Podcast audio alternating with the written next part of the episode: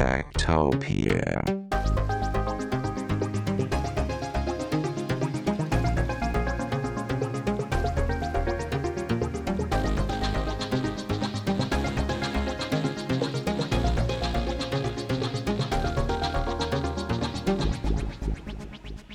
Tektopia er en podcast om mennesker og deres teknologi, udgivet af Ingeniørforeningen IDA i samarbejde med mediehuset Ingeniøren og China Experience, støttet af Innovation Center Danmark, IDA Forsikring og EUT Electronics of Tomorrow.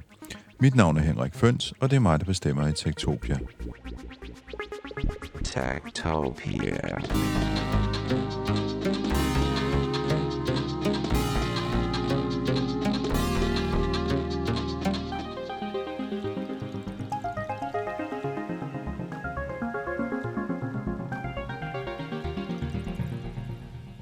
Taler til sin telefon til Siri, hvis man har en iPhone, så kan man meget tit komme ud for nogle mærkelige situationer, hvor den ikke rigtig forstår, hvad man siger, og der kommer nogle mærkelige øh, sms'er ud, og dem sender jeg nogle gange til min øh, kollega Veronika Volin, og du modtager så nogle beskeder, som ser mærkelige ud. Ja. Og så går der knas i kommunikationen. Og det er faktisk noget af det, vi skal kigge på i øh, Tektopia i dag, hvor vi skal kigge på sprogmodeller, øh, det man kalder for NLP. Og vi, hvad det betyder, det kommer vi ind på lidt senere. Vi har øh, tre gæster i studiet, hvis vi skulle starte, hvad skal man sige, øh, bagfra. E- Erik David Johnson, du er kunstig intelligens specialist. Øh, kunne du fortælle os lidt, hvad, hvad er du for en, hvad laver du? Jamen, jeg arbejder med forretningsapplikationer af machine learning til daglig, og så har jeg også forsket lidt i dagens emne NLP, altså Natural Language Processing, sprogteknologi. Øhm, og så interesserer jeg mig også rigtig meget for de dataetiske aspekter. Så jeg er sådan lidt ud over det hele. Jeg tror, mit, øh, mit særlige øh, indslag i dag bliver nogle af de fil- filosofiske aspekter af, af det her, vi skal tale om. Ja, og det kommer til at ligge sådan lidt, lidt senere i udsendelsen, fordi vi skal jo lære lidt om, hvad NLP egentlig er for noget. Og øh, ved siden af dig sidder Anders Pedersen fra Alexander Instituttet. Ja, det gør jeg. Og hvad kunne du rundt lave? Jamen, øh, altså, jeg laver også, øh, hvad kan man sige, kommersielle projekter for Alexander Instituttet, men vi er sådan halvt kommersielle og halvt forskning. Så jeg laver NLP-løsninger øh, til i kommersielle øh, øh sammenhæng, men så ah, forsker jeg så også i øh, NLP til hverdag. Specifikt så går jeg rigtig meget op i øh, taledelen i stedet for tekstdelen. Øh, men jeg arbejder også rigtig meget med tekst. Og det er også noget af det, vi skal finde ud af forskellen på tale og tekst, når man snakker om øh, sprogmodeller. Øh, sidste mand på skansen her, Kasper Junge, du arbejder for Ekstrabladet. Hvad laver du der, der har forbindelse med øh, tale og talesyntese osv.?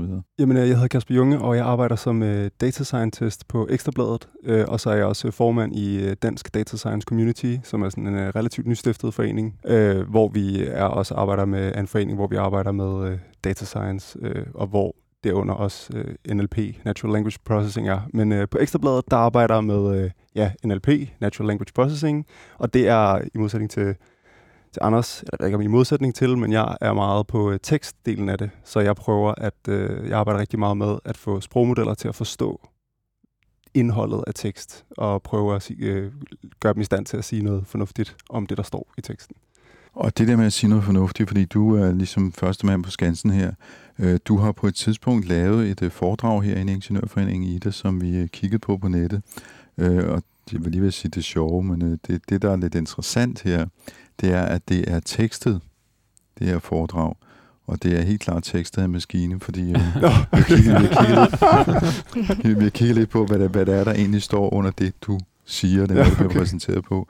Og Veronika, du har, lavet, du har simpelthen lavet en udskrift.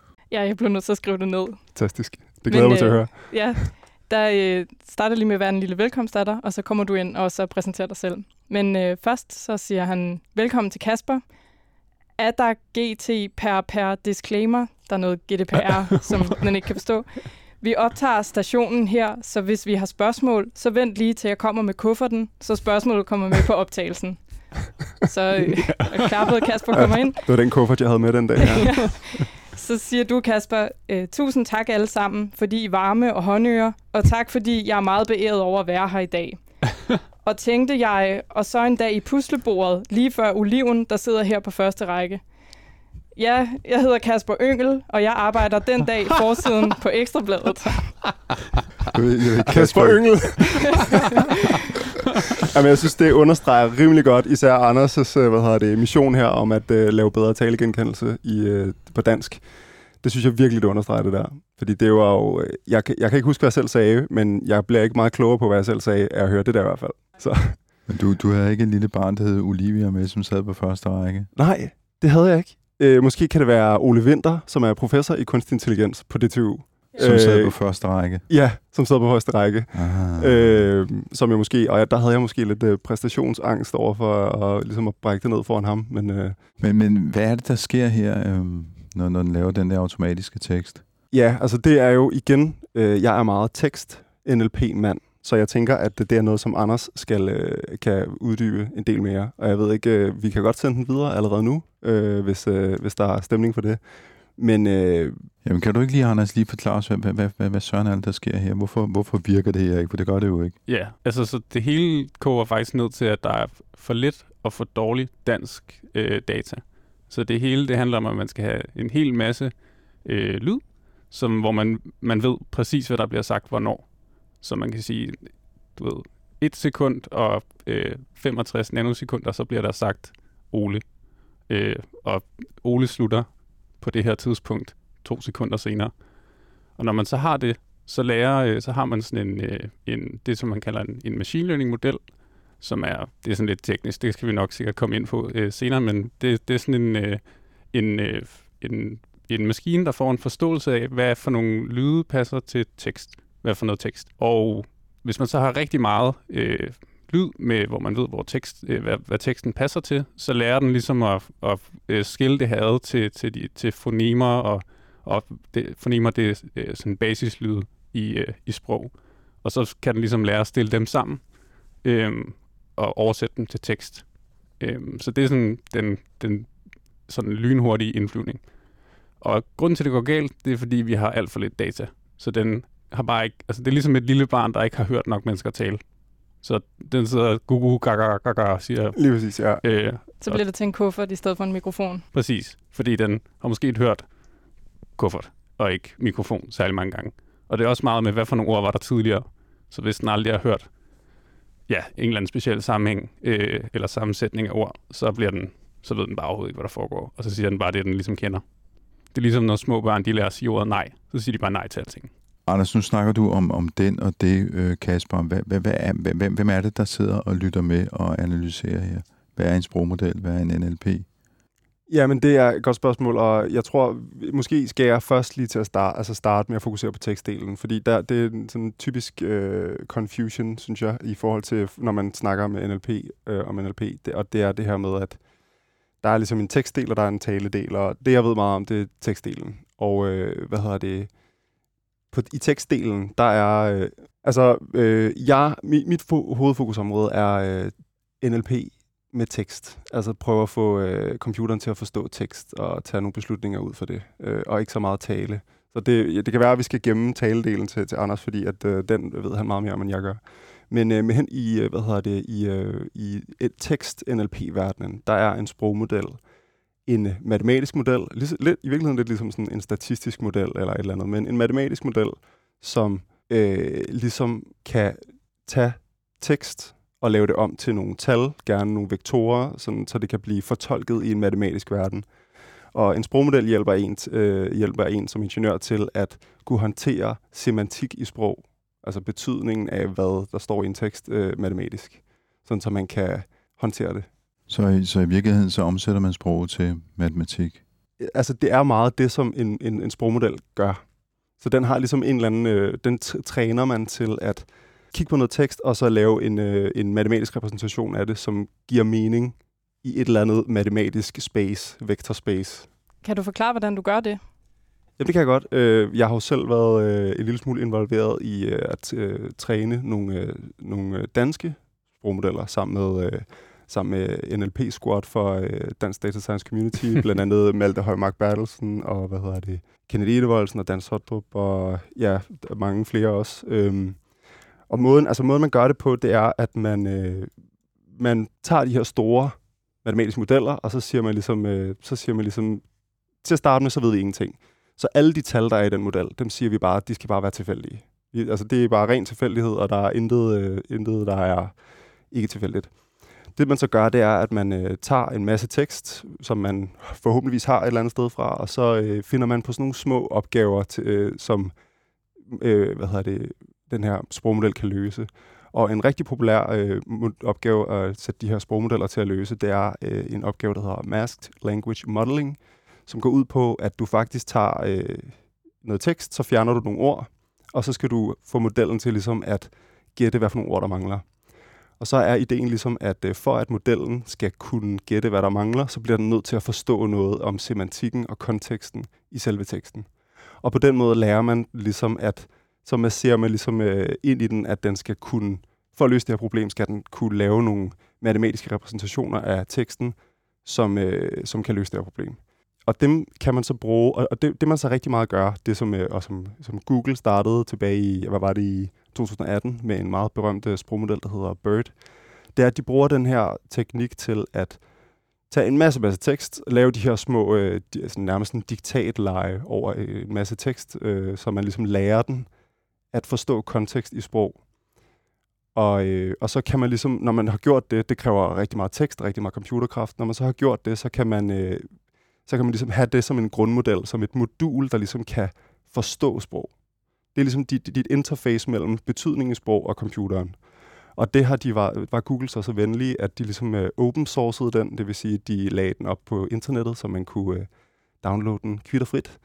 Og så kan man ligesom bruge den som modul til at forstå sprog, og bruge den til at løse opgaver, som for eksempel, at øh, for eksempel på Ekstrabladet, der er vi meget interesserede i at vide, hvad vores artikler handler om. Det ved vi jo godt øh, selv, men øh, det kan, der kan være en, en, en, nogle gode forretningscases øh, og nogle gode, nogle gode brugeroplevelser, man kan lave, hvis man kan gøre det automatisk, øh, få en computer til at forstå artikler automatisk. Og der kan vi bruge det her øh, modul, øh, som en sprogmodel er, til at lave nogle modeller, som kan kategorisere artikler. For det, det kan også være sådan noget med, om, om en artikel er positiv, øh, at omhandler det, en, en person, omhandler det noget positivt eller noget negativt, eller er det politik, eller er det ikke, altså alle sådan nogle forskellige ting. Øh, jeg håber, det gav mening. Og det, det, du taler om her, det er så tekst? Det er tekst, ja. Men idéerne er meget de samme, når det kommer til, til lyd også. At det, der bruger man også øh, øh, sådan lignende øh, indlærings- eller hvad hedder det, unsupervised, som man kalder det, øh, metoder til at, at træne en, det så kalder man så en akustisk model, i stedet for en, en sprogmodel. Så det er også noget med, at man, man har en, en, en lydfil, og så fjerner man stykker af den.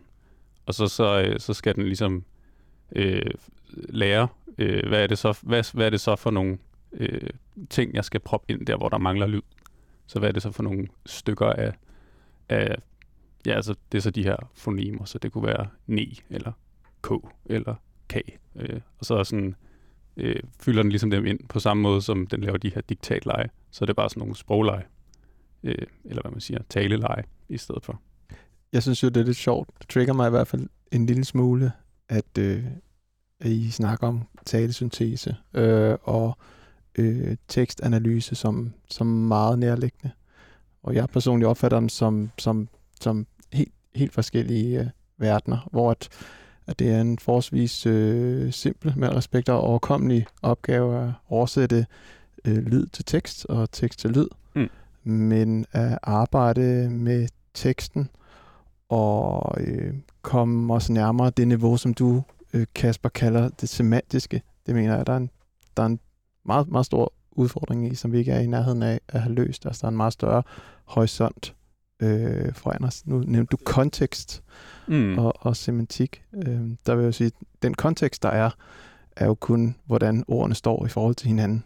Ja, øh, og, og den semantik, der er, det er den, som vi leverer, når vi kigger på input og output.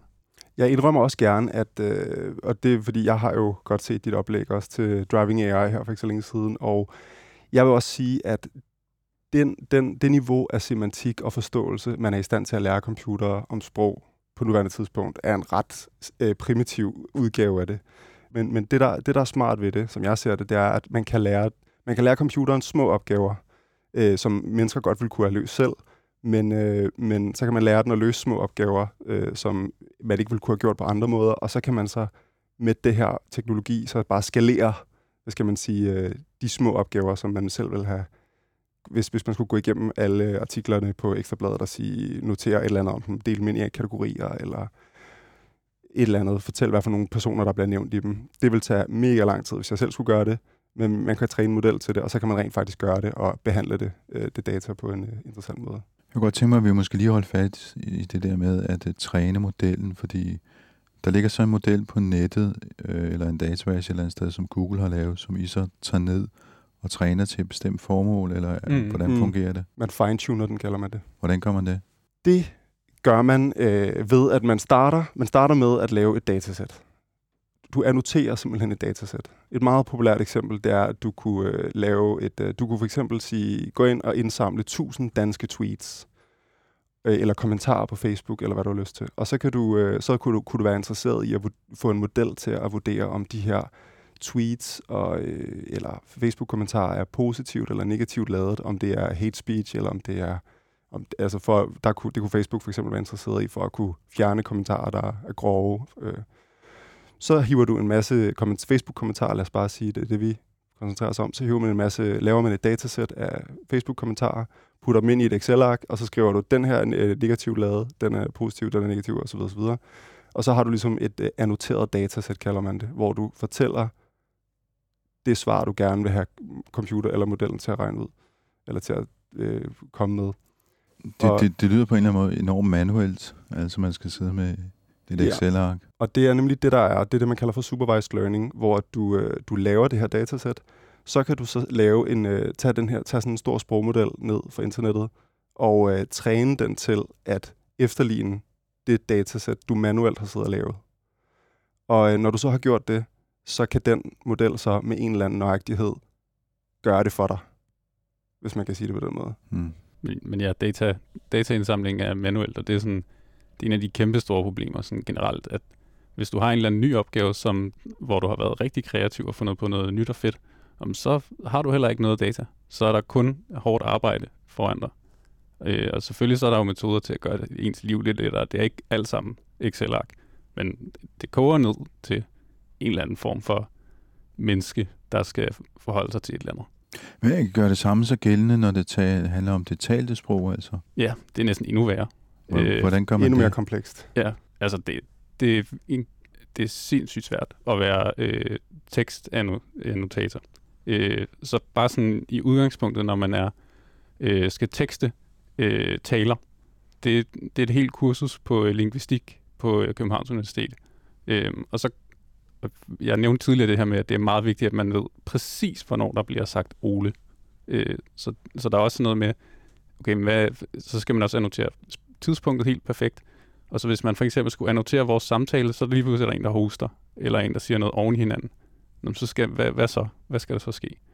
Øhm, og det skal så være konsistent, og man skal have, gerne have flere tusind timer. Så det er bare, altså, det er sindssygt meget arbejde, og det er bare sådan absurd dyrt oven i hatten. Øhm, specielt for tale. Så det er derfor, der nærmest ikke er noget på dansk. Ja, men for at runde af det her med, med at den manuelle træning, eller den manuelle øh, øh, tilvejebringelse af træningsdata, så de her modeller er jo trænet ud fra et eller andet, som vi har, vi har sat op. Altså, Kasper, du nævnte det her med, jeg tror også, man kalder det metadata extraction, altså det der med, at man kan sige noget om teksten. Jeg synes, det, jeg har et rigtig godt pædagogisk eksempel til lytterne, som, som er, at, at øh, jeg arbejdede for et advokatfirma, og de havde en masse sager, som skulle i en af fem bunker. Mm. Og så sagde de, vi har en masse af de der sager øh, fra gamle dage, der er blevet lagt i de rigtige bunker. Ja. Øh, og nu sidder de to andre øh, herrer allerede og griner og nikker, fordi det er så åbenlyst, hvad, hvad man skal. Men, men ideen er, at, at, at når man først har et, et mærke på hver af de her gamle historiske sager, ja, eller hvor det, de vi også til, kalder, det, vi kalder en annotering. Ja, et mærke præcis. eller et label, eller hvad du kalder det. Ja. Lige præcis. Øh, jamen, så, øh, så kan man vise dem som eksempler, bruge dem som træningseksempler til en model, og så kan modellen forstå det underliggende mønster i, hvad det vil sige at være en sag 1 eller 2 eller 3 ja. eller 4 eller 5 og så kan den tage nye øh, sager og lægge den i en rigtig bunke. Det, der er specielt ved machine learning, er jo så, at den er i stand til at generalisere på data. Altså den kan finde det rigtige svar, selvom den aldrig har set præcis lige den øh, sag først. Det er det, der er lidt spændende. Men om det hæver sig op fra øh, det morfologiske niveau, som jeg kalder det, hvor øh, bogstaver bliver dan, danner ord. Øh, det er så en anden diskussion. Mm. Men jeg, jeg anerkender, jeg anerkender 100%, at det er nogle meget simple ting, vi kan gøre med machine learning. Men det er trods alt noget, eller sådan de her maskinlærings øh, NLP-modeller osv. Men det er trods alt noget, man ikke har kunne gøre før det, på, altså til, i- til, lige så godt, kan man sige. Og det har noget værdi, det der med at kunne, kunne gøre de her små, meget sådan øh, lavdimensionelle semantiske opgaver, eller man skal sige, øh, og gøre dem automatisk. Uh, jeg synes, det er forholdsvis komplekst, og der, det har rigtig mange øh, anvendelsesområder. Jeg tror, der hvor det bliver interessant, det er, når det er sådan noget, som man kalder conversational AI, eller hvor vi skal Ja. have interaktioner Ja. med de her sprogmodeller. Men øh, forstå kontekst. ja, ja. Altså, Jeg, jeg tænker tit på sådan en, en analogi, som er tyvstjålet fra Platon, med Platons hulelignelse. Den er god. Med at, at vi har altså sprogmodellen, eller sprogmodeller i dag, det er sådan en, en, øh, det er sådan en troglodyt, der bor nede i en hule, og den har aldrig set virkelighedens verden. vi har bare råbt ting ned, i, Ja. og så har den lært fra ekkoet. Øh, så den, den, kan, den aner ligesom ikke sådan, okay, kartoffel, det står tit i nærheden af spiser.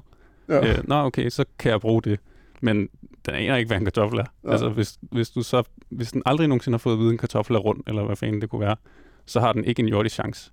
Eller hvis man beder den om at færdiggøre sætningen, bolden falder. Hvis den ikke har hørt, bolden falder ned, så er det ikke, fordi den har en sådan internaliseret øh, hvad hedder det, model af verden. Den har kun det tekst, vi har givet den. Så det er virkelig sådan et, et barn, der ikke der er sådan er blinde på en eller anden måde.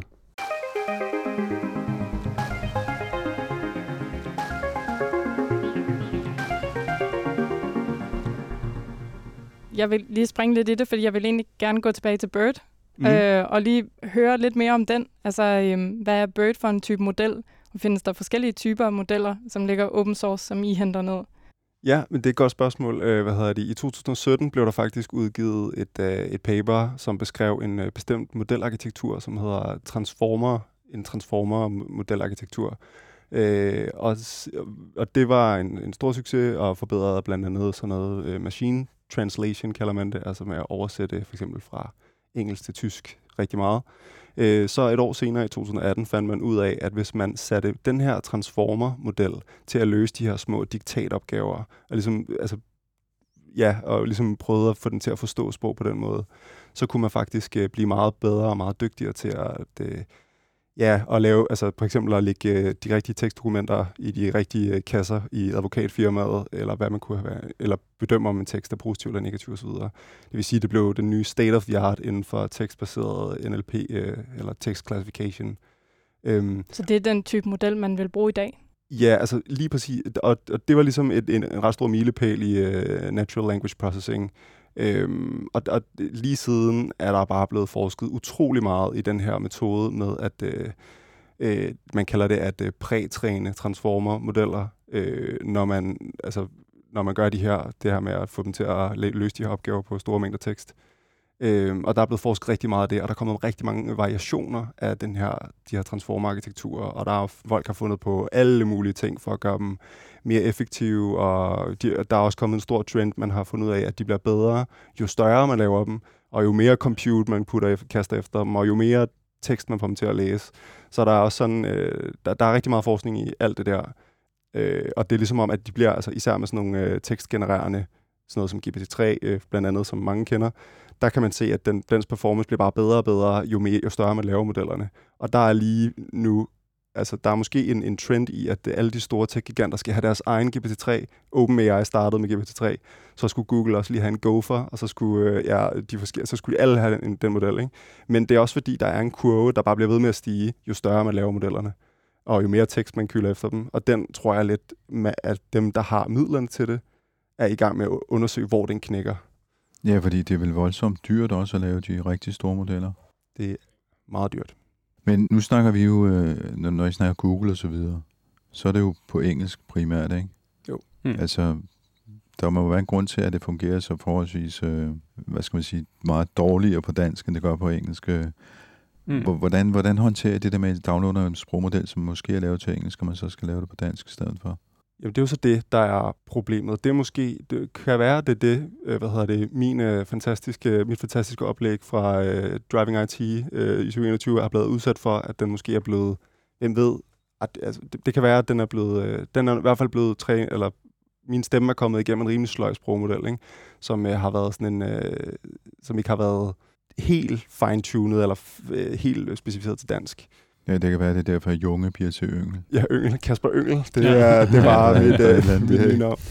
Ja, men hvad hedder det? Så, så der, er jo, der er jo helt klart, og det er jo også det, vi snakker rigtig meget om i øh, Dansk Data Science Community, og, og prøver at slå på trummen for, at der er brug for, at vi øh, indsamler data og øh, får nogen til at træne de her sprogmodeller på dansk. Øh, både tekstsprogmodeller og øh, talesprogmodeller, sådan så at øh, Siri kan blive bedre til at forstå, hvad vi siger. Øh, måske kan vi også selv lave nogle, hvad hedder det, nogle algoritmer, der kan forstå, hvad vi siger, øh, så vi ikke behøver at bruge Apples ting. Og, og, der, øh, og det, ja, det er jo øh, lidt interessant, fordi det her med at lave sprogmodeller, det er meget, det er svært, og det kræver meget arbejde, og det er også dyrt, og der er mange irriterende ting forbundet med det. Og det er ikke rigtig forskning, fordi det er allerede opfundet, så det er ikke rigtig noget, universiteterne gider at tage sig så meget af. Og de private virksomheder, de, de, de, altså det, det, er sådan, det er måske for mange et, et ret stort projekt at kaste sig ud i, øh, så det kan ikke rigtig give en god uh, return on investment at gøre det. Så det er sådan lidt, den, det, det der med at træne de der sprogmodeller, hvis du ikke har et eller andet tech-gigant, den falder lidt mellem sådan to stole, hvor at, øh, hvor at det, som vi har beskæftiget os meget med i Dansk Data Science Community, er at prøve at, øh, at gøre det selv, simpelthen. Tag, tag den opgave på os, og så, øh, så selv finde noget data, indsamle noget data, selv øh, prøve at f- øh, få fingrene i noget computerkraft, så vi kan træne de her modeller, og, og så gøre det. Hvad, hvad er det så for noget data, man typisk finder frem? Jeg ved, Anders, du har beskæftiget dig en del med det også, Ja. med, med danske sprogmodeller. Ja, altså det, man kan sige, det er jo, det er jo meget afhængigt af, hvad for en opgave man gerne vil løse. Så, altså, så det, jeg, jeg beskæftiger mig meget med sådan, øh, for tiden, det er sådan, øh, hvad kan man sige, general purpose, altså øh, tale, talemodeller. Så dem, der skal kunne bruges til alle mennesker på dansk. Og det er Og- tale til tekst, hovedsageligt. ikke? Ja, så, så, øh, så det er igen sådan en, lave sådan en, en akustisk model, man så kan lære en specifik opgave. Og de opgaver, den opgave, som vi måske er mest interesseret i, det, det er tekst til tale. Øh, tale til tekst, undskyld. Øh, men men øh, altså, der er- man kan sige, vi er i den situation, at man, når man for eksempel taler til Siri eller til, til andre øh, tale til tekst øh, modeller på dansk, så fungerer det bare ikke særlig godt. Altså, så der, nu kan man, så kan man spørge sig selv, okay, men hvis tech-giganterne ikke engang kan finde ud af det, hvad, hvad, hvad, hvad foregår der så? Kan, er der så nogen, der kan?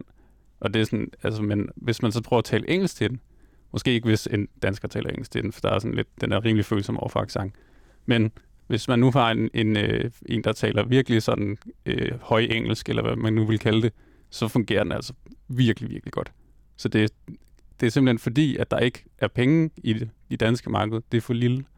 Og derfor så har de lavet noget, der virker nøjagtigt, akkurat godt nok til profitable øh, demografier.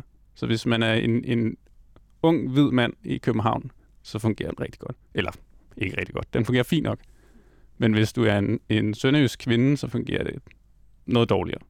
Og der er også undersøgelser, der viser, at det er så ikke på dansk, men det er på, øh, det er på engelsk, at hvis du er en sort kvinde, så fungerer den fire gange dårligere, end hvis du er en, en hvid mand.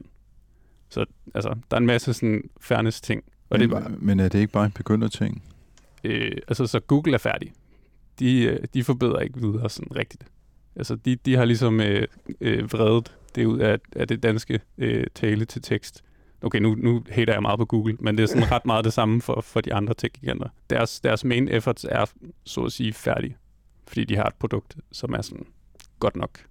Og ideen er vel også, at de gerne vil tjene penge. Altså, øh, hvis de skulle investere stort i et lille marked, vi kunne tage Island som eksempel. Præcis. Og sige, at man, den skal sidde lige i skabet på islandsk, så kan det nok ikke svare sig i forhold til, hvor mange mennesker, der taler islandsk, og hvor mange øh, øh, dollars det koster at øh, få, øh, få deres produkter op på, på niveau. Mm. Og det er det, som, som Danmark står øh, i lige nu. Ikke? Det er, at vi er et for lille globalt markedssegment til at tech-giganterne vil investere i stærke sprogmodeller der også, øh, til os. Og derfor er det jo fantastisk, at vi har sådan nogen som Kasper og det danske data science community, som, øh, som, som prøver at bridge the gap, som man siger. Ja, for der er blevet lavet nogle danske sprogmodeller også. Mm. Kan du sige noget om dem? Ja, altså den øh, første danske, nu, nu skal jeg lige se, øh, om jeg har et katalog over, hvad der er i gang, hvad der har været. Men hvad hedder det, der er jo blevet lavet den første sådan, danske sprogmodel af øh, Jens Dahl Møllerhøj, der han har arbejdet i det, der hed BotXO dengang, som er sådan en chatbot-virksomhed. De hedder så Certain lige nu. Og det var sådan den første øh, prætrænede danske transformer, der var, kan man sige. Og derefter gik det lidt langsomt. Altså nu, nu kan jeg faktisk ikke lige helt præcis huske, hvad der findes derude af, af modeller, men jeg ved, der er nogen på vej, øh, kan jeg sige. Øh, måske ikke helt løftsløret for nu, men der, der bliver arbejdet på sagen, det er helt sikkert. Øh, og så havde øh, mig og øh, nogle andre, hvad hedder det, fra Dansk Data Science Community, en, øh, et par uger i sommerferien, hvor vi var med i sådan en øh, hvad hedder det, konkurrence på nettet, hvor man fik noget computerkraft tildelt, øh, hvor vi også trænede en dansk sprogmodel, som vi kalder, som der hedder Roberta, øh, fordi den er lavet på sådan en Roberta-arkitektur. Øh, og så har vi bare tilføjet øer og æer til den.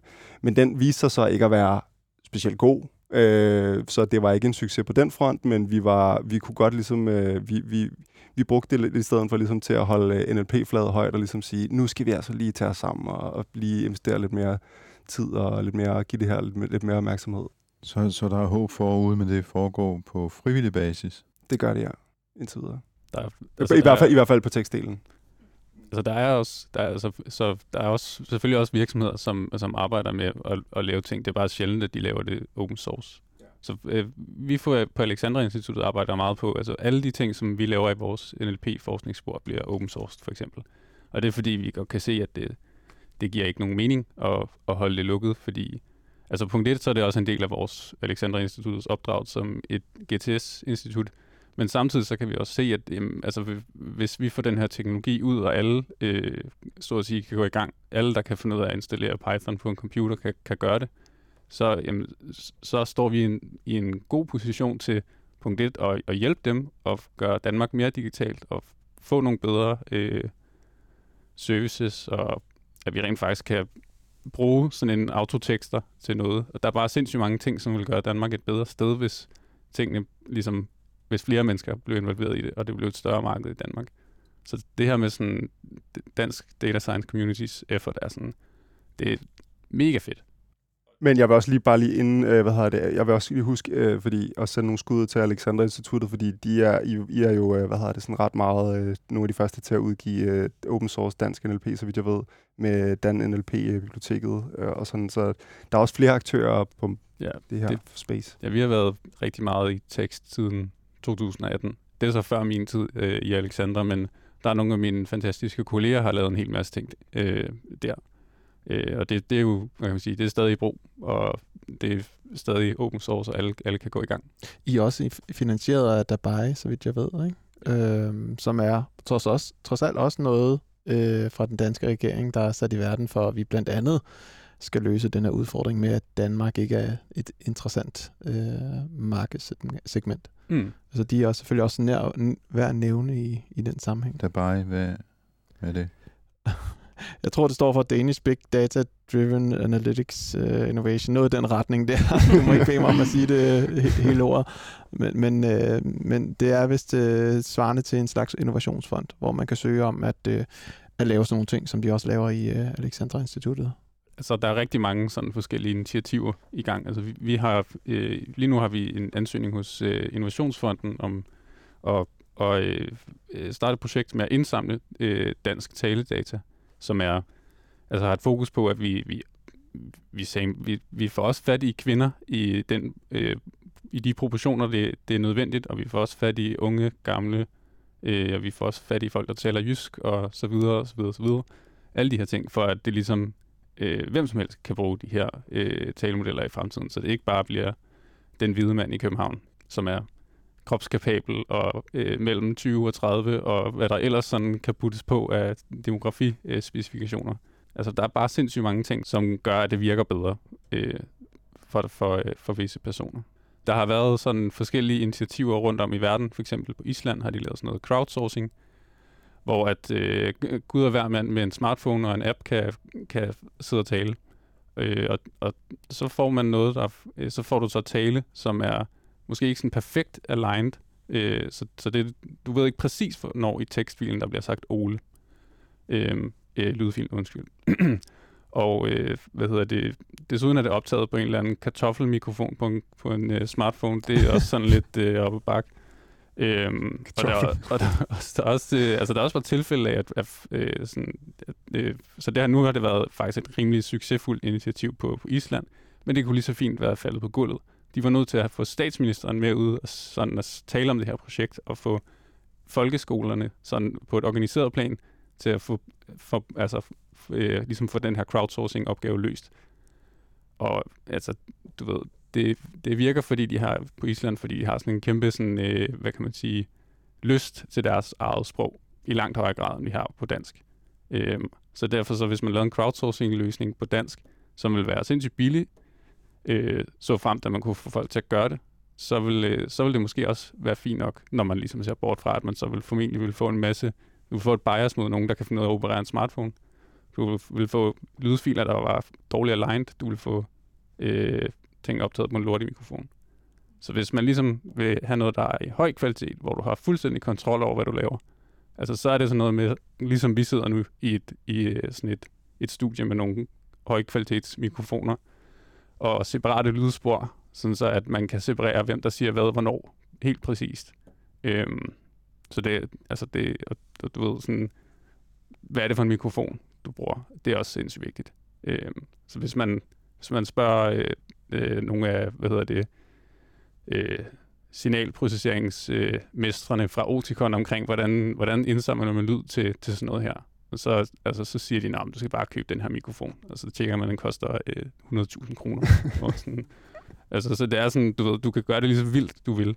Øhm, og, men i vores projekt, så, altså, så, øh, så er det sådan noget i omegnen, at det koster 4.000 kroner per time at indsamle data. Man skal også være trænet lingvist ifølge Kaspers erfaringer, for at kunne annotere ordentligt. Og det skal man ikke. Eller, okay. det, eller det, det, det tror jeg er en fordel, helt klart. Okay. Øh, altså til, til, at, til at annotere, øh, hvad hedder det, tale på sådan en virkelig høj kvalitet, der, det er ikke bare noget, man lige gør. Nej. Øh, altså vi, vi har haft sådan nogle små forsøg, hvor vi har hyret annoteringsvirksomheder øh, og skrevet en annoteringsprotokol til dem, og de kunne ikke finde ud af at følge den. Øh, hvor det var også ligesom en learning, hvor sådan, okay, det, det, du ved, vi er nødt til selv at, at træne nogen til det her. Vi kan ikke ligesom rely på, at der er nogen... Altså vi, vi har også, vi har på Ekstrabladet har vi uh, lingviststuderende, som, uh, som, uh, som også har taget den her opgave, og der, er vi, uh, der skriver, altså der har vi også gjort det til en del af opgaven, det her med at skrive protokollen. Det er en del, mm. vi, noget, vi gør løbende, mens vi øh, udvikler projektet. Ikke? Mm. Fordi det ændrer sig hele tiden. Altså, du, jo mere data du ser, jo flere undtagelser vil der komme, og jo flere ting skal du diskutere. Og sådan. Mm. Og bare, altså, sådan en helt lavpraktisk ting, som jeg sådan, altså, jeg er sådan semi-ny i det her. Så der er hver, i, hvad kan man sige, opstartsfasen af de her projekter, hvordan skal det skrues sammen. Så hver dag var der sådan en unknown unknown, som jeg sådan indså, nok gud, det er også et problem. Altså bare sådan noget, at jeg siger, øh, øh skal det annoteres? Øh, ja. det, det ved jeg ikke. Øh, og øh, hvis man, det har jeg sagt mange gange før, det siger jeg hver gang, jeg holder et oplæg. Læg mærke til, at når man taler, så siger man nærmest aldrig en grammatisk korrekt sætning. det sker nærmest aldrig. Og sådan, vi vil jo gerne have det, der kommer ud af modellen i den anden ende, til at være grammatisk korrekt. Øh, så, så du ved, skal man annotere præcis det, der bliver sagt, eller det, der ligesom er meningen selvom vi opsætter de rigtige rammer, vil der så være nok data i Danmark? Altså vil vi have et stort nok grundlag til at kunne indsamle nok data, så det er repræsentativt? Ja, det er selvfølgelig de mulige kunst. Altså, øh, det, det, den helt, hvis man ligesom skulle løse den her opgave helt perfekt, så skulle du have alle mennesker til at tale et kvarter. Øh, fordi det, altså når man laver de her, der er virksomheder, der laver de her løsninger nu til for eksempel læge, lægesekretariater, som tidligere har øh, transkriberet samtaler mellem patienter og læger. Øh, Øh, men der er det sådan noget med, at man får lægen til at, at tale, sige nogle bestemte ting, som øh, what do I know, sådan lægespecifikke ting, øh, og så får de en talegenkender, som er rigtig, rigtig god. Øh, så, du ved, så hvis man havde den mulighed, så ville det blive helt spidsen. Men hvis man er lidt mere pragmatisk omkring det, så, altså, så, er det også, så er det stadig en kæmpe, kæmpe opgave. At det er jo sådan noget, at man skal have... Altså, vi, vi satser på øh, omkring, øh, at vi skal øh, have øh, 2.000 mennesker eller sådan noget til at snakke, øh, fordelt på alle mulige forskellige demografier. Og det er, ingen, altså det er ikke... Det, vi, vi satser på at lave et sådan medium størrelse datasæt, som er rigtig høj kvalitet. Hvor at, øh, der kan man ligesom have andre strategier. Man kunne også gøre ligesom på Island, hvor man har rigtig, rigtig meget data, men i måske lidt mindre kvalitet. Så sådan, altså det er helt sikkert en, en mulig opgave, men det er dyrt. Sindssygt dyrt og svært. Ja, lige nu snakker vi jo om den generaliserede sprogmodel. Det kan jo også være, at hvis der var en eller anden meget vigtig anvendelse, at vi så vil lave en domæne-specifik sprogmodel. Altså hvor man siger, man skal kun kunne tale inden for et bestemt emne. Det har vi allerede set i dag, og så kan man få mm. enormt høj præcision. Jeg tror, at Google lavede en demonstration på et tidspunkt, hvor man skulle øh, ringe og bestille tid hos frisøren eller et eller andet. Den var simpelthen så overbevisende, og folk tænkte, nu har vi stærk AI, mm, øh, ja. men, men sagen var bare den, at den var enormt domænespecifik. Ja, hvis du spurgte den, kan jeg også bestille to fadøl, så vil den være helt sådan, hvad fanden foregår der? Præcis. Så, så i virkeligheden er det lidt ligesom, øh, hvad skal man sige, anden kunstig intelligens, altså en kunstig intelligens kan måske spille skak, men den kan ikke køre en bil, og den, der kan køre en bil, kan ikke øh, hmm. styre et fly eller spille skak osv. Det er det, det samme, der gør sig gældende for, ja. for sprogmodeller. Hmm.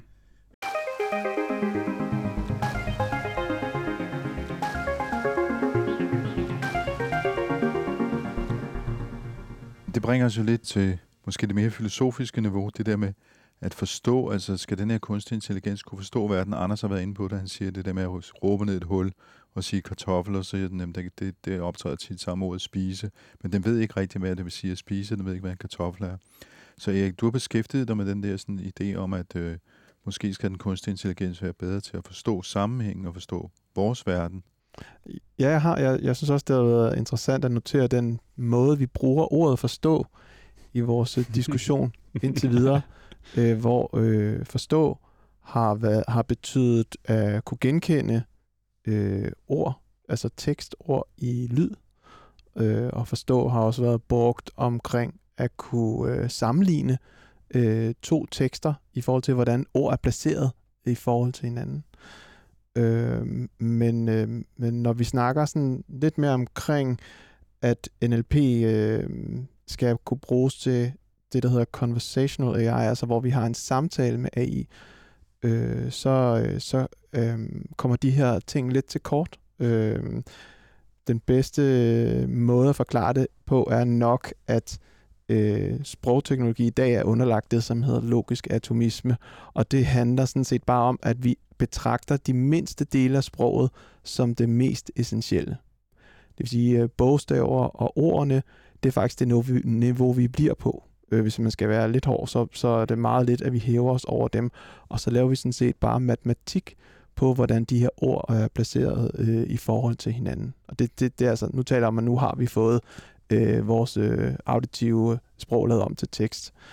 Øhm, det, som man øh, ikke gør, det er, at man hæver sig op over de højere niveauer af sproganalyse. Øhm, og der er jo niveauer over det, jeg kalder det morfologiske niveau, øh, hvis man tager en, en grundbog for, for sprogteknologi, øh, for Center for Sprogteknologi, jamen, så har man også de her niveauer, hvor at man har morfologi, og så kommer der øh, syntaks, og så kommer semantik, som vi også har nævnt, altså betydning af sætning, og pragmatik, øh, som er øh, betydning af sætning i en kontekst, og her mener jeg ikke, hvordan ordene står i forhold til hinanden, men kontekst i forhold til, hvor, hvordan, hvor, og hvordan står personen eller agenten, som siger sætningen.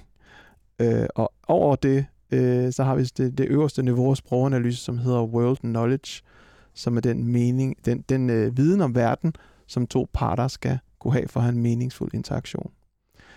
Øh, så når vi kigger på, øh, hvor langt vi er med sprogteknologi, så vil jeg sige, at vi har jo ikke gjort os fri af den logik, logiske atomisme. Vi bliver på beregninger af de mindste bestanddele af sproget. Øh, og som flere i det her rum godt ved, så er min påstand jo også, at det kommer ikke til at kunne løfte os til det niveau, som vi øh, ser øh, øh, sprogteknologi og kunstig intelligens på i film og så videre, altså hvor vi har de her meningsfulde øh, interaktioner øh, med sprogteknologiske løsninger, med, med kunstig øh, intelligens.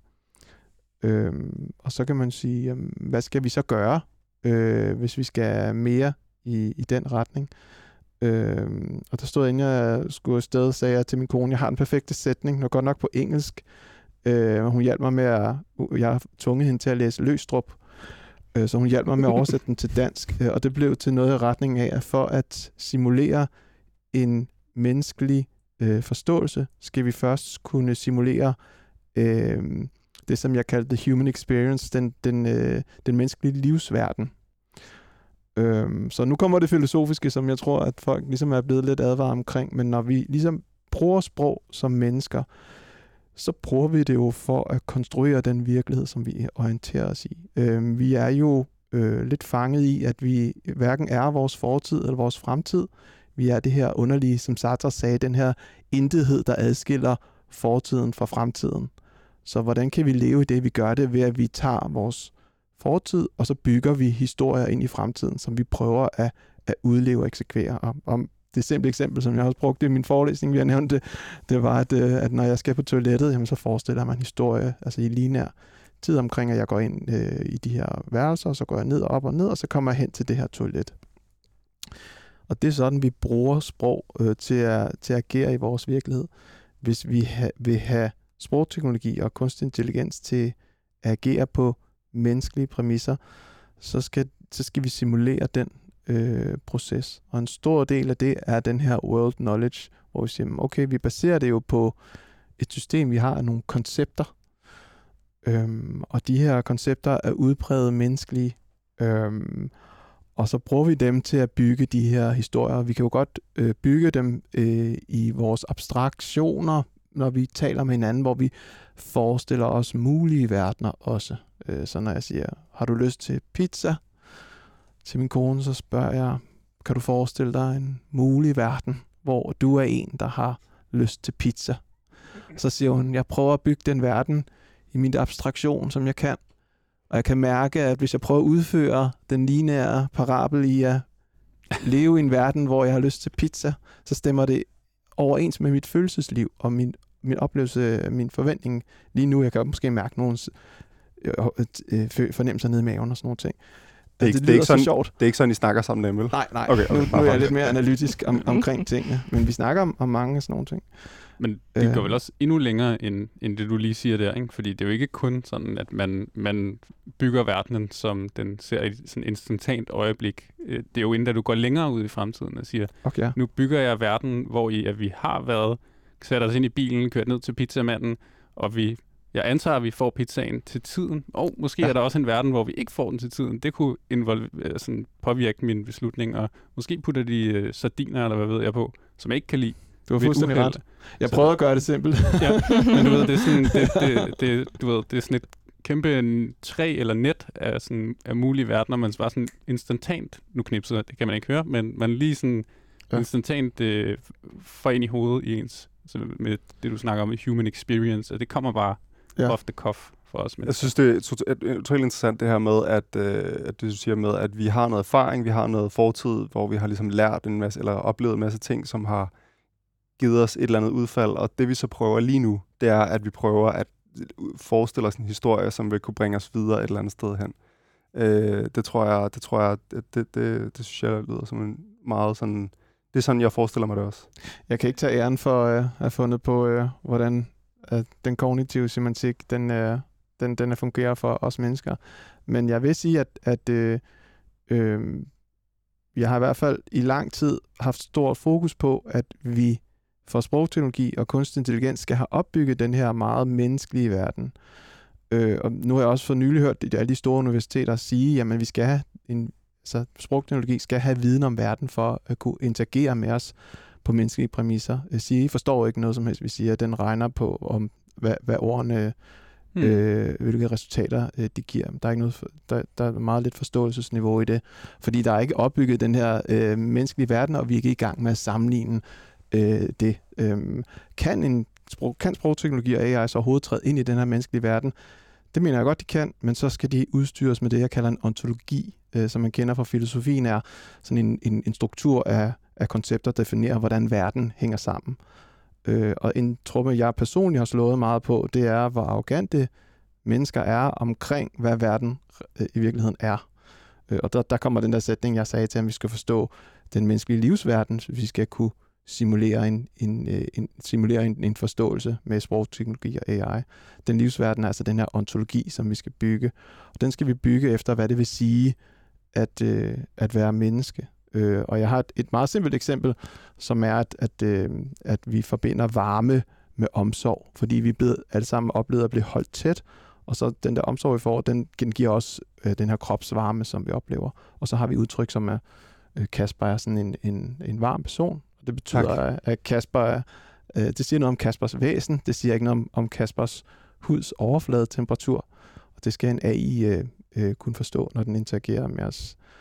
Øhm, så det er meget omkring, hvordan bygger vi den her ontologi. Øhm, og når vi snakker om alle de her ting omkring, der bliver brugt eksempler som metadata extraction, maskinoversættelse osv., så er der ikke nogen ontologi inde i billedet på nogen Nej. måde overhovedet. Men har du, må jeg, fordi jeg har nu har efter sådan hørt nogle podcast med dig, og nu sidder jeg rent Ja. faktisk i en podcast med dig selv. Nu kan du svare så igen. nu, har jeg, nu kan jeg svare igen, så det vil jeg simpelthen gøre. der kommer noget forberedt her. Forestiller du dig, at, den, at vi skal bygge den her ontologi, eller forestiller du, at vi skal lære den? Fordi jeg forestiller mig løsningen på dit problem, måden vi kunne gøre det på, som jeg som helt øh, geogerløs øh, ingeniør forestiller mig, at man kan gøre det, Yes. det er, at man kan tage to kameraer, en højtaler, to mikrofoner, øh, nogle moto- motoriske et eller andet ting og sager, Kasper Øh, sidder og peger sig selv i ansigtet. ja. På, ja. Lige præcis. Og så, øh, og så, få, og så, og så ligesom lave et eller andet maskine, som ligesom bare kan få nogle sansindtryk, og så, øh, så det, det, man så skal gøre, det der er kunsten, som jeg ser det, og det der er den ingeniørmæssige ting, man skal finde ud af, det er, hvordan stiller man det her læringsproblem op? Hvordan har du givet de sansudtryk og givet de muligheder for at bevæge dig, øh, for at komme så tæt på det, et menneske kan? Hvordan får man så det til at blive et eller andet meningsfuldt, som kan, kan, kan omdannes til, øh, til nogle handlinger og noget, noget lyd eller nogle sansindtryk, der kan give mening. Jeg, jeg hører din strategi som en form for reinforcement learning, ja. hvor at, at øh, man udstyrer en agent med muligheden for at interagere med verden. Ikke, ikke reinforcement learning, fordi jeg forestiller mig øh, måske mere sådan en... Øh, jo, altså der kan man selvfølgelig godt sige, men jeg tror måske, at fordi i reinforcement learning, så vidt jeg ved, der skal man have et, et, altså et goal, altså noget, der er ligesom en reward. Mm. Noget meget sådan, øh, meget sådan afgrænset, et eller andet, der gør, at øh, den her algoritme skal gå mere i den retning.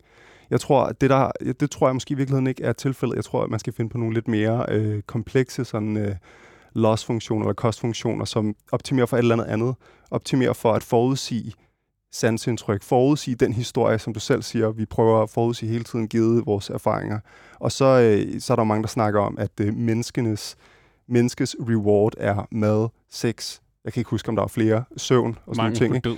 Ja, ma- altså ikke at dø for eksempel. Det er vores sådan helt abstrakte ting, vi optimerer mod, at det skal vi have mere eller mindre af. Ikke? Ja. Øh, Altså for at svare på spørgsmålet, så, så, så den, den strategi, jeg forestiller mig, er nærmere, at vi bruger de værktøjer, vi har fra machine learning i dag, til, som er rigtig gode til mønstergenkendelse, til at opbygge øh, den her øh, ontologi. Så, så, så strategien for mig er at finde ud af alt det sproglige materiale, vi har. Øh, hvordan kan vi finde de her kognitivt semantiske mønstre, som for eksempel øh, varme øh, af omsorg? Hvordan kan vi finde og mestre dem i en, i en ontologi, øh, så vi kan udstyre AI med viden om, om verden. Øh, øh, jeg har brugt øh, et, det, der hedder et konceptuelt metafor, altså det her varme omsorg som et eksempel, men en, en mere seriøs øh, strategi at, er noget, som hedder conceptual blending, øh, som er skrevet af en fyr, som hedder Fauconnier. Øhm, og jeg har faktisk forberedt et lille eksempel på conceptual blending, fordi jeg tidligere øh, i sådan nogle interviews har været sagt, det kan man ikke forstå, det er alt for, for kompliceret for almindelige mennesker. Jeg tænker, Så lad, så lad os høre dig Jeg forklare det. Jamen, jeg praler med, at jeg kan gøre alting forståeligt, øh, også øh, kunstig intelligens og sådan nogle ting. Så nu vil jeg godt forsøge mig med conceptual blending. Ja, det er ikke mig, der har fundet på eksemplet. Det er en, en brilliant øh, professor, jeg kan nu har glemt, hvilket universitet han er fra. Men I skal forestille jer en munk, øh, som skal øh, rejse op ad et bjerg. Og han starter om morgenen, og så rejser han øh, af den samme sti øh, hele vejen op ad bjerget, og så når han bjergets top. Øh, og, så, øh, og så samme dag, inden det når at blive mærkt, så, så, så går han hele, hele vejen ned af, af bjerget igen. Øh, så, øh, så næste dag, øh, så, så tager munken op ad bjerget igen. Øh, og han tager den samme rejse, og går op til toppen, og så er han ned igen. Og så er mit spørgsmål, vil øh, munken fra den første dag øh, øh, på et eller andet punkt, præc- vil, vil der være et præcist punkt øh, på rejsen, hvor øh, munken fra, fra den første dag ville have passeret øh, munken øh, fra den anden dag. Ja. det er nemlig rigtigt. Grunden til, at du kan intentionere det, det er, at du ligesom tager en maske af de to dage, og så forestiller dig rejsen, øh, og kan se de to øh, munke for dig, og hvordan at de øh, bliver nødt til at mødes, Hmm. øh, trods alt. Ikke? Øh, nu tror jeg også, at du er nok øh, lidt over gennemsnittet i, i IQ. Øh, jeg sad lige 20 minutter og skulle tænke over det, men jeg nåede frem til den samme øh, konklusion. Øhm, men når vi gør det, det er conceptual blending. Og hvis vi kan få, og det er der altså et, et system i, altså der er nogle, vi kan trække nogle streger og lave nogle systemer og sådan noget. Jeg tror på, at jeg ikke har haft særlig meget tid til at forske i det, at hvis vi arbejder videre med conceptual blending, og øh, de menneskelige kognitive semantiske træk, som vi har, og bruger det til at bygge en, en ontologi, og satser på, at næste niveau af sprogteknologi skal udnytte den her ontologi, når den interagerer med os, og leger med, når vi forestiller os de her lineære historier, de her mulige verdener osv., så ligner det noget af det, som fremtidens sprogteknologi skal være, for at vi kan have meningsfulde interaktioner med sprogteknologi og AI. Og- Og jeg vil bare understrege igen, at det er slet ikke der, hvor vi er, og det, vi har talt om indtil videre, det er slet ikke noget, der gør noget i den her retning. Hvis man må stille et kedeligt konkret spørgsmål, hvor Ja. lang tid går der, før vi når dertil? altså min person, jeg nu er jeg blevet spurgt før, så mit, mit, min personlige vurdering er, at, at det, det er et sted mellem 50 og 100 år. Fra 50 til 100 år til aldrig nogensinde vil være mit bud. Stærkt. Så- Og det er noget andet, vi kigger på, når man ser, at, at man har lavet de her forbedringer. Kasper snakker om, vi fine-tuner og sådan nogle ting. Ikke? Og nu har vi jo lavet noget, noget om, omkring øh, øh, øh, deep learning, der bruger nogle ting, som vi ikke brugte før. Øh, øh, og sådan nogle transfer learning, øh, kan man også nævne. Øh, det, det er små forbedringer. De vil ramme det her plateau, som vi ikke kommer til at kunne øh, komme over, før at vi, vi deler livsverden på en eller anden måde med den her AI eller sprogteknologi. Øh, og det kan jo, det må stå for egen regning, at, at øh, om, om det så kommer alligevel, og jeg bliver øh, modbevist. Men det, det vil jeg hårdnakket påstå. Jeg, jeg kunne godt tænke mig at udfordre det lidt der. Yes. Ikke fordi jeg nødvendigvis har, øh, har en eller anden sådan øh, holdning, der bare, er, kan man sige, er, står i mit hjerte øh, omkring, hvordan det kommer til at foregå ud i fremtiden. Men hvis man nu sådan prøver at forestille sig sådan en tænkt verden, hvor at vi har modeller, der er 10 størrelsesordener større. Okay, det er, det er lige crazy nok, fordi det er hele universet, der skulle være fyldt med server, men du ved, du kan følge mig, at hvem siger ikke, at det bliver så godt, at det består en Turing-test? At det snyder os? At den bare har, den har trænet på alt, hvad der nogensinde har været af skriftlige og øh, tale øh, data øh, ever. Øh, og og den, øh, vi har bare lavet en stor nok model, der har øh, store nok embeddings til øh, at kunne, øh, ligesom kunne snyde os til at tro, at den har den her ontologi. Ja, det er et rimelig gigantisk øh, abstraktionsscenarie, du, du Ja, stiller det, op. det gør jeg. Det, gør jeg. det er med på, Øhm, det, det, det er meget matematisk. Jeg kan ja. virkelig godt lide det. Ja. Jeg tror, mit svar vil være, at fordi vi bliver inden for den logiske atomisme, hvor vi fokuserer på den nederste bestanddel af sproget, så vil vi ikke kunne undslippe vores øh, egentlige strategi, som er, at vi betragter sproget som en kontinuerlig funktion. Hmm. Øh, og når vi gør det, så er tesen, at der er et svar, der hører til et hvert spørgsmål. Øh, og det øh, vil enhver sprogforsker øh, øh, give mig ret i, er en absurd tanke. Men så et svar er jo også, der ikke er et svar. Hvad, mener du? Det skal, Altså du, det skal du uddybe. Ja, okay. Altså sådan, så når den, hvis man så afkræver et svar på et spørgsmål, der ikke har et svar, Ah ja, ja ja. Så, så, så, lærer den bare at sige, det kan man ikke svare på, fordi x, y, z. for det er der ikke blevet svaret på tidligere. Det er Ja, ikke nå, nej, men altså- okay, det er ikke- ja. Vi kan Okay, ikke stille men- nye spørgsmål. Okay, men sådan, altså... Lad mig i- sige det sådan her. Verden ændrer sig jo hele tiden. Verden er jo ikke den samme, som den var for to minutter siden. Mm. Øh, så, så uanset hvor, hvor perfekt øh, det, du stiller op, vil kunne øh, akklimere sig, så kan det ikke øh, løbe om kap med, at verden hele tiden ændrer sig. Øh, så, så vi står i en ny verden hele tiden. Så vi er nødt til at have de her mere generaliserbare redskaber til at, at kunne håndtere det nye, vi hele tiden møder. Om det så er, at vores klima ændrer sig, eller vores teknologi ændrer sig, eller hvad det er. Så, så ændrer verden sig hele tiden. Så jeg bare ikke... Jeg sådan... Jeg, jeg dybest set er jeg faktisk sådan lidt enig med dig. Jeg, jeg, jeg tror, du har ret. Jeg kan bare godt lide lige at lege sådan djævlen advokat. Det synes jeg er fedt. Øh, men altså, sådan, hvordan kan det være, at vores hjerne så ikke ligesom undslipper den logiske atomisme? Det er jo også bare elektriske signaler, der bliver sendt rundt. Ja, jeg er meget stor. Hele min forskning er faktisk baseret på øh, en øh, sprogfilosof, øh, som hedder Ludwig Wittgenstein, og han havde to øh, distinkte faser. I den første fase, der prøvede han at finde matematik i, sprog, i sproget, Og den anden fase, som der indså han, at øh, det som virkeligheden er, der, der sagde han, at, at, at mening øh, er at beskrive verden. Øh, men han fandt ud af, at mening er brug, men, altså betydning af, af, af sprog er ikke den sandhedsbetingelse, det er selve brugen af, af sproget. Øh, og så nåede han frem til den her teori, som også dannede øh, fundamentet for meget af den moderne psykologi, som er, at det vi gør, det er, at vi spiller sprogspil. Det kan vi godt lege, øh, det kan vi godt kalde det, det her, hvor vi øh, prøver at bygge øh, fortiden ind i fremtiden osv. Øhm, og, og det er også understøttet af ny forskning omkring øh, spejlneuroner osv., at grunden til, at vi kan spille de her sprogspil, hvis regler er unikke for hver samtale, der opstår, og hver interaktion, der opstår, det er, at vi har den her fælles livsform.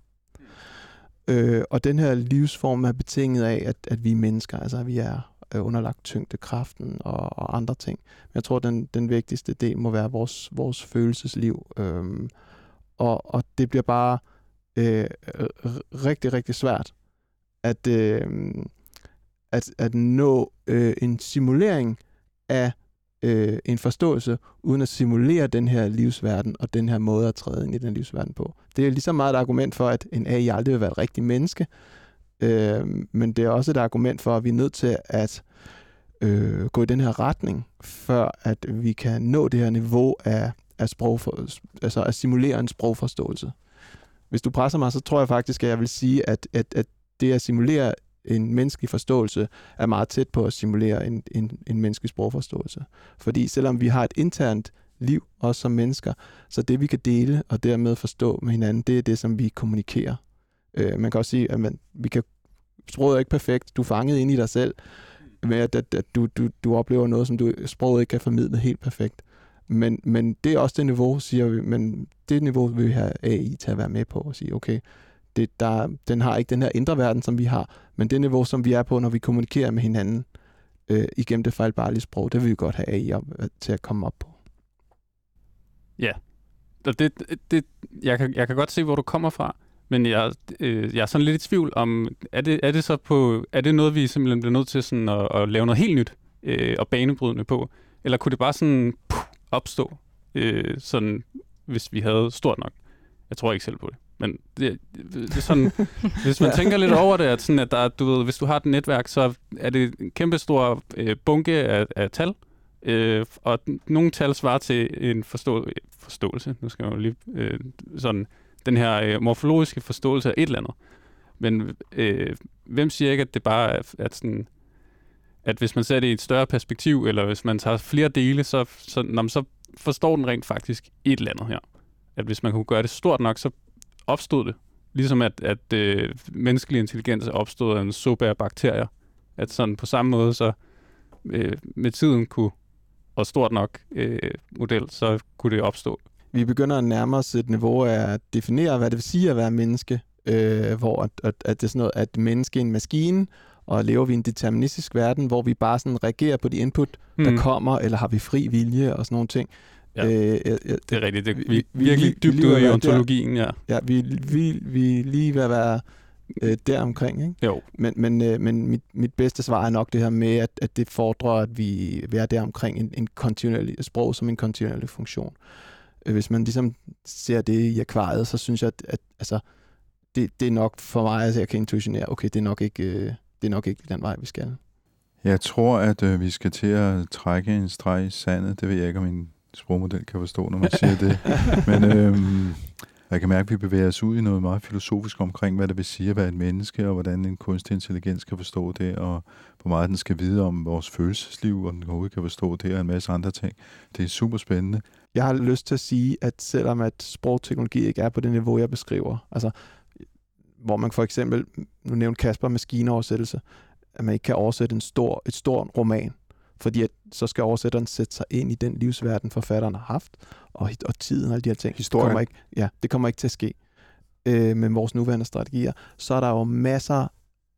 Det sidste, jeg vil gøre, er at tale sprogteknologien ned, for der er så mange fantastiske, anvendelige formål med den, de nuværende strategier af sprogteknologi, øh, som man ikke må, må underkende. Så, så det, det sidste ord skal mere være øh, noget sådan opløftende omkring det kæmpe potentiale, der stadig er i de nuværende øh, strategier. Det vil jeg i hvert fald godt lige øh, kvittere med. Enig. Enig. Jeg, hvis jeg også lige skal slutte af, så vi har for lidt data i Danmark, og det skal ændres. Det Helt er sikkert. sindssygt vigtigt, og det er tale, det er tekst, det er det hele, og det, det, det er, altså, hvis det stod til mig, så skulle det på finansloven, øh, men det gør det ikke. Det vil jeg godt tilslutte mig. Også mig. Så talegenkendelse på finansloven, det er det budskabet herfra, når vi samler intelligensjagen i øh, dansk NLP, danske sprogmodeller. Tak til Kasper Junge og Erik David Johnson og Anders Pedersen, fordi I kom i studiet og snakker om det her. Jeg, jeg har en fornemmelse af, Veronica, at jeg måske godt kunne finde på at invitere dem igen. Ja, det lyder sådan. Det skal I være til. Vi kommer med glæde. Gerne. Tak.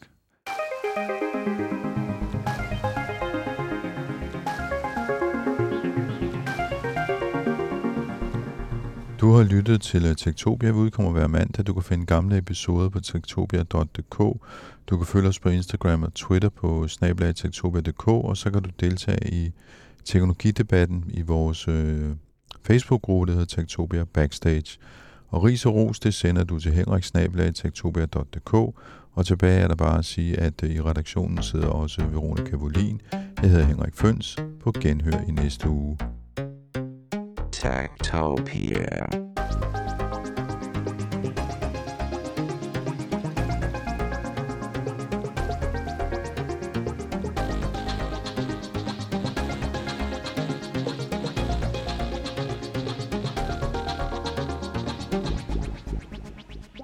Tektopia er en podcast om mennesker og deres teknologi, udgivet af Ingeniørforeningen IDA i samarbejde med mediehuset Ingeniøren og China Experience, støttet af Innovation Center Danmark, IDA Forsikring og EUT Electronics of Tomorrow. Mit navn er Henrik Føns, og det er mig, der bestemmer i Tektopia. Tektopia.